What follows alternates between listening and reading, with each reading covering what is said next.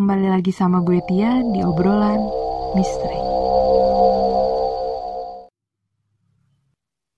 Halo semua, apa kabar? Semoga kalian yang sedang mendengarkan podcast gue dalam keadaan sehat-sehat dan baik-baik saja.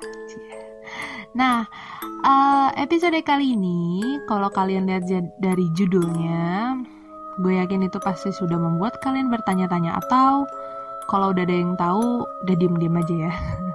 Dengerin aja. Oke, jadi uh, sebelum kita masuk ke ceritanya, kemarin-kemarin, bukan kemarin-kemarin sih, minggu lalu kalau nggak salah gue ada mengupload postingan di Instagram obrolan.misteri dan di Twitter kita juga, yaitu isi postingannya adalah isi postingannya adalah uh, sebuah ajakan kepada kalian semua para pendengar obrolan misteri.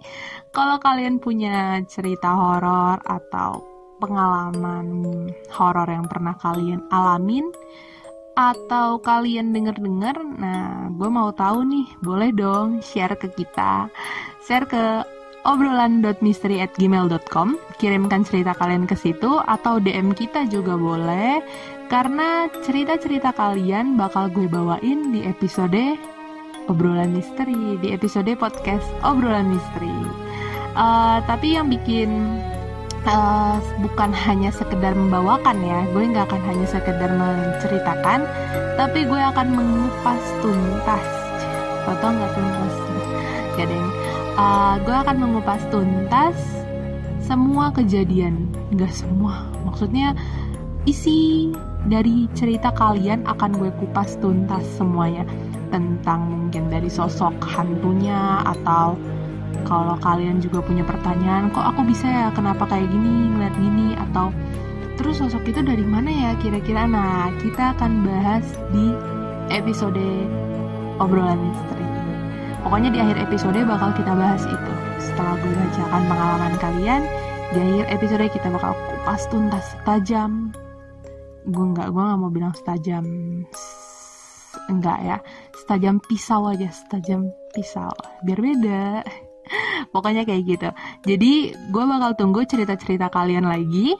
Jangan lupa untuk uh, kirim langsung ya ke DM atau email kita juga boleh oke? Okay? Nah, daripada gue panjang lebar, pasti kalian udah banyak yang penasaran. Apakah ciri isi dari uh, apakah isi dari cerita yang telah dikirimkan oleh seseorang yang tidak mau disebutkan namanya? Pasti so so idibat gue ya pokoknya kita langsung aja lah ya. Kita langsung masuk ke ceritanya. Selamat mendengarkan Assalamualaikum podcast obrolan misteri perkenalkan nama saya disensor kan udah gue bilang tadi gak mau disebutin namanya Panggil saja saya Daeng. Daeng bukan nama saya kok, tapi Daeng adalah nama panggilan untuk orang Makassar. Saya akan menceritakan pengalaman nenek saya pada waktu kira-kira tahun 1980-an. Tapi pada tahun keberapanya saya kurang tahu. Dan sebenarnya ini juga bukan pengalaman nenek saya sih. Ini terjadi di Pulau Sulawesi, lebih tepatnya di kota Makassar. Jadi pada waktu itu nenek saya masih mempunyai empat anak. Sekarang nenek saya punya sebelas anak. Cocok bikin klub bola ini. Langsung aja ajuin ke PSSI. Oke oke, kita nggak boleh ngelantur ya. Harus serius. Nenek saya sering mendengar ada suara keributan di rumah tetangganya. Karena perkiraan nenek saya itu adalah masalah keluarga, jadinya nenek saya tidak begitu menghiraukannya. Sebenarnya tetangga nenek saya juga baru pindah rumah itu, jadi bisa dibilang masih tetangga baru lah ya. Suara ribut itu terjadi pada sampai satu mingguan. Pas paginya, pada suatu hari ketika tukang sayur lewat, ngumpullah ibu-ibu yang ada di komplek tersebut. Nenek saya pun nyelutup ke dalam obrolan tersebut dan menanyakan, Kalian dengar gak sih di rumah yang baru ditempatin itu? Setiap malam ada suara keributan terus. Dan jawaban ibu-ibu yang ada di situ pun mengaku mereka tidak pernah mendengar sama sekali suara kegaduhan itu. Di minggu kedua, karena nenek saya mulai merasa terganggu dan sekaligus penasaran dengan suara ribut di rumah itu, akhirnya nenek saya pun menelusuri dan berniat sekalian silaturahmi dan mengobrol dengan tetangga baru saya. Tetangga baru neneknya maksudnya. Dan nenek saya pun pergi ke rumah itu pada siang hari. Nenek saya sampailah di depan rumah tersebut dan memberi salam. Keluarlah seorang perempuan yang umurnya sekitar 35 tahun menjawab salam nenek saya. Nenek saya pun dipersilahkan masuk ke dalam rumahnya. Nenek saya pun mulai mengobrol dengan orang itu, dan mata nenek saya tertuju pada perut perempuan tersebut dan menanyakan ke ibu itu. Ibu hamil ya, kata nenek saya. Pertanyaan itu dijawab oleh perempuan tersebut. Iya, sudah lima bulan, Nenek saya pun kembali menanyakan tentang kondisi kehamilan tersebut dan mengobrol seperti pada layaknya obrolan perempuan lah ya. Di dalam obrolan tersebut, nenek saya bertanya, Bu, saya kok sering ya dengar di rumah ibu kalau malam itu ribut banget. Seperti ada suara teriakan, menangis. Kalau ibu punya masalah, cerita aja sama saya, siapa tahu saya bisa bantu. Lalu ibu itu pun bercerita. Pada awal hari pertamanya ibu itu pindah, ibu itu sudah berasa tidak nyaman dengan rumah tersebut. Lalu jelang satu minggu perkiraan yang ibu itu rasa pada awal benar. Dia tidak merasa nyaman. Di minggu kedua, karena suaminya ada kerjaan di luar kota, ibu ini terpaksa tinggal sendirian di rumah tersebut. Katanya setiap malam pada saat ia mau tidur, ia selalu merasa ada yang memperhatikannya. Tapi dia pun bersikap cuek, seakan-akan ia tidak merasakan apa-apa. Pada jam 2, ibu itu tiba-tiba terbangun, ingin buang air kecil, dan pada saat ibu itu bangun, ibu itu kaget karena ia melihat ada sepasang mata yang menyala dari ventilasi. Seakan-akan mata itu sedang memperhatikannya. Ibu itu pun langsung mengira dan berpikir itu mungkin hanya halusinasinya saja. Lalu setelah buang air kecil dan ingin melanjutkan tidur, ibu itu pun kaget karena ia melihat di jendela kamarnya ada sosok kepala melayang dengan organ-organ tubuh yang menggantung. Ibu itu bilang sosok itu mempunyai rambut panjang, wajah yang keriput, dan gigi yang ompong. Ibu itu menatapnya selama dua menitan. Lalu ibu itu langsung membaca surah-surah yang ia hafal di dalam hati. Setelah ibu itu membaca surah-surah tersebut, sosok itu pun langsung terbang melewati jendela yang terbuka. Ibu itu pun hanya bisa menangis, berteriak karena ketakutan. Dan kejadian tersebut selalu terjadi setiap malam. Nenek saya pun memberitahu, mungkin yang mengganggu ibu adalah sosok Parakang. Nah, Parakang ini yang akan kita bahas nanti nih. Lanjut ke ceritanya, setelah itu nenek saya memberitahu hal tersebut. Akhirnya ibu itu langsung menginap di rumah ibu mertuanya dan menunggu suaminya pulang dari luar kota untuk langsung pindah ke rumah baru. Sekian ceritanya. Wassalamualaikum. Waalaikumsalam Daeng. Terima kasih untuk ceritanya. Oke, langsung kita bahas. Parakang cia. kenceng banget gak sih kekencengan ya kayaknya Parakang itu di sini Daeng juga kasih tahu kalau Parakang adalah manusia memakai ilmu pas pertama gue lihat ini gue udah hampir curiga karena Parakang ini mirip dengan sosok Kuyang dan Palasik ya kalau Kuyang itu dari Kalimantan, sedangkan Palasik uh, dari Sumatera. Kalau nggak salah Sumatera Barat. Sosoknya hampir sama seperti Parakang ini. Nah, jadi pas gue cari tahu, Parakang itu benar.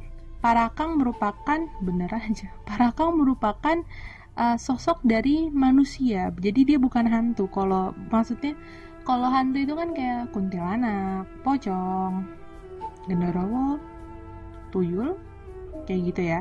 Kalau parakang adalah manusia yang mempelajari ilmu hitam atau bisa dibilang ya ilmu hitam lah ya, ilmu yang digunakan untuk mengubah dirinya menjadi hewan atau bentuk yang menyeramkan hingga berbeda dari wujud aslinya.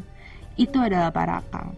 Nah, parakang sendiri pun memang dia itu uh, konon katanya dia suka mengincar bayi yang masih ada di dalam kandungan ibu-ibu hamil atau bayi yang baru lahir. Pokoknya yang kayak gitulah ya dia suka meng menghisap atau memakannya gitu.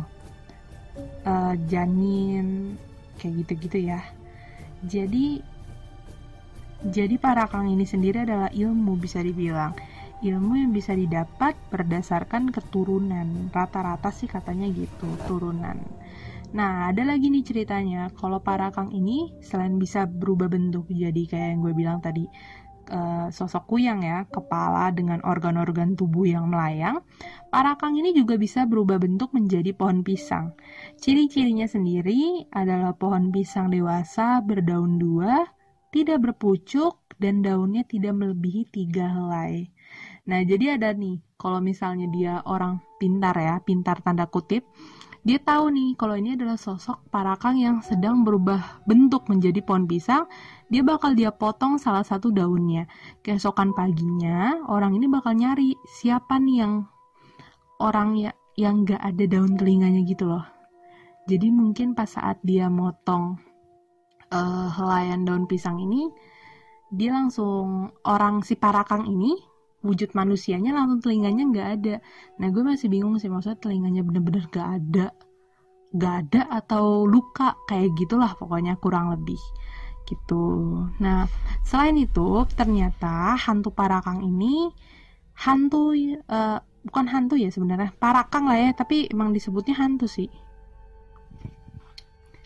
Nah setelah yang gue cari tahu lagi parakang ini memang sudah uh, lebih banyak dikenal di Sulawesi Selatan. Jadi banyak banget informasi-informasi yang gue dapat itu di sekitar Sulawesi Selatan tentang sosok dari Parakang ini. Nah, di situ juga dibilang kalau uh, fisik Parakang ini akan selalu berada di rumah, tapi jiwanya lah yang bisa menyerupai uh, berbagai macam bentuk ya, yang kayak kuyang ataupun pisang kayak gitu. Tapi fisiknya ada di rumah. Nah, ada lagi yang gue baca dari salah satu situs kata sulsel.com. Isu Parakang memang sempat menghebohkan penduduk Kelurahan Majeling, wilayah Sulawesi Selatan tiap malam. Warga selalu berkumpul dan berjaga-jaga demi mengantisipasi isu yang berkembang. Nah, ini nih beritanya nih tanggal 22 Januari 2020. Jadi kayaknya Parakang memang masih ada ya sampai sekarang. Ini aja yang cerita dari Dayeng aja itu tahun 1980-an. Sekarang udah tahun 2020 dan ini juga ada beritanya 22 Januari 2020. Nah selain itu ada juga dari korektor.id, para kang bisa terlihat menyeramkan. Ciri-cirinya adalah wujudnya dengan bola mata merah menyala, lidah cukup panjang, kulit yang terlihat keras dan tebal, serta kuku tajam. Mungkin dia berubah jadi sosok kayak manusia ya, makanya bisa ada kelihatan kukunya. Nah, saat parakang berubah wujud, parakang itu tidak terlihat sempurna dalam perubahan wujudnya ya kayak tadi uh, lidahnya yang panjang, kuku tajam, bola mata merah kayak gitu. Makhluk parakang ini tidak pernah bisa hilang, tidak pernah benar-benar bisa hilang. Ya yang kayak tadi gue bilang, karena ini adalah ilmu dan ini bisa didapatkan dari cara garis keturunan nggak akan bisa hilang. Buktinya aja nih dari tahun 80-an sekarang sampai 2020 aja masih ada. Is bukan isu ya. Kalau memang benar ada berarti memang terjadi. Misteri lah masih menjadi misteri misteri di Sulawesi Selatan. Seperti itu. Nah terus gue udah sempat baca lagi baca lagi. Gue menemukan satu poin yang mungkin kalian uh, bisa jadikan alternatif. Sebenarnya ini uh, dimohon untuk kebijakannya ya. Ini bukan uh, uh, bukan mengajak untuk mempercayai kayak gini tapi apa salahnya untuk berjaga-jaga aja. Jadi para kang ini takut dengan sapu lidi. Jadi kalau kalian mau menghindarinya taruh aja sapu lidi di rumah-rumah kalian kayak gitu. Itu yang gue baca sih dari salah satu situs. Entah bener entah enggak tapi ya misalnya di rumah kalian ada ibu hamil atau ada bayi yang baru lahir untuk berjaga-jaga aja. Tapi jangan lupa juga untuk tetap terus berdoa oke? Okay? karena itu yang paling penting. Seperti itu so itulah akhir dari episode hari ini. Ya pokoknya kayak gitu ya sosok dari para kang sendiri yang mirip dengan kuyang dan parasik. Hantu khas Indonesia. Kalau nggak salah di Malaysia juga ada hantu kayak gitu tapi gue lupa namanya. Sebutannya apa gitu ada juga. Oke, jadi sekian cerita hari ini. Terima kasih kembali. Terima kasih kembali. Terima kasih lagi kepada Daeng yang telah mengirimkan ceritanya.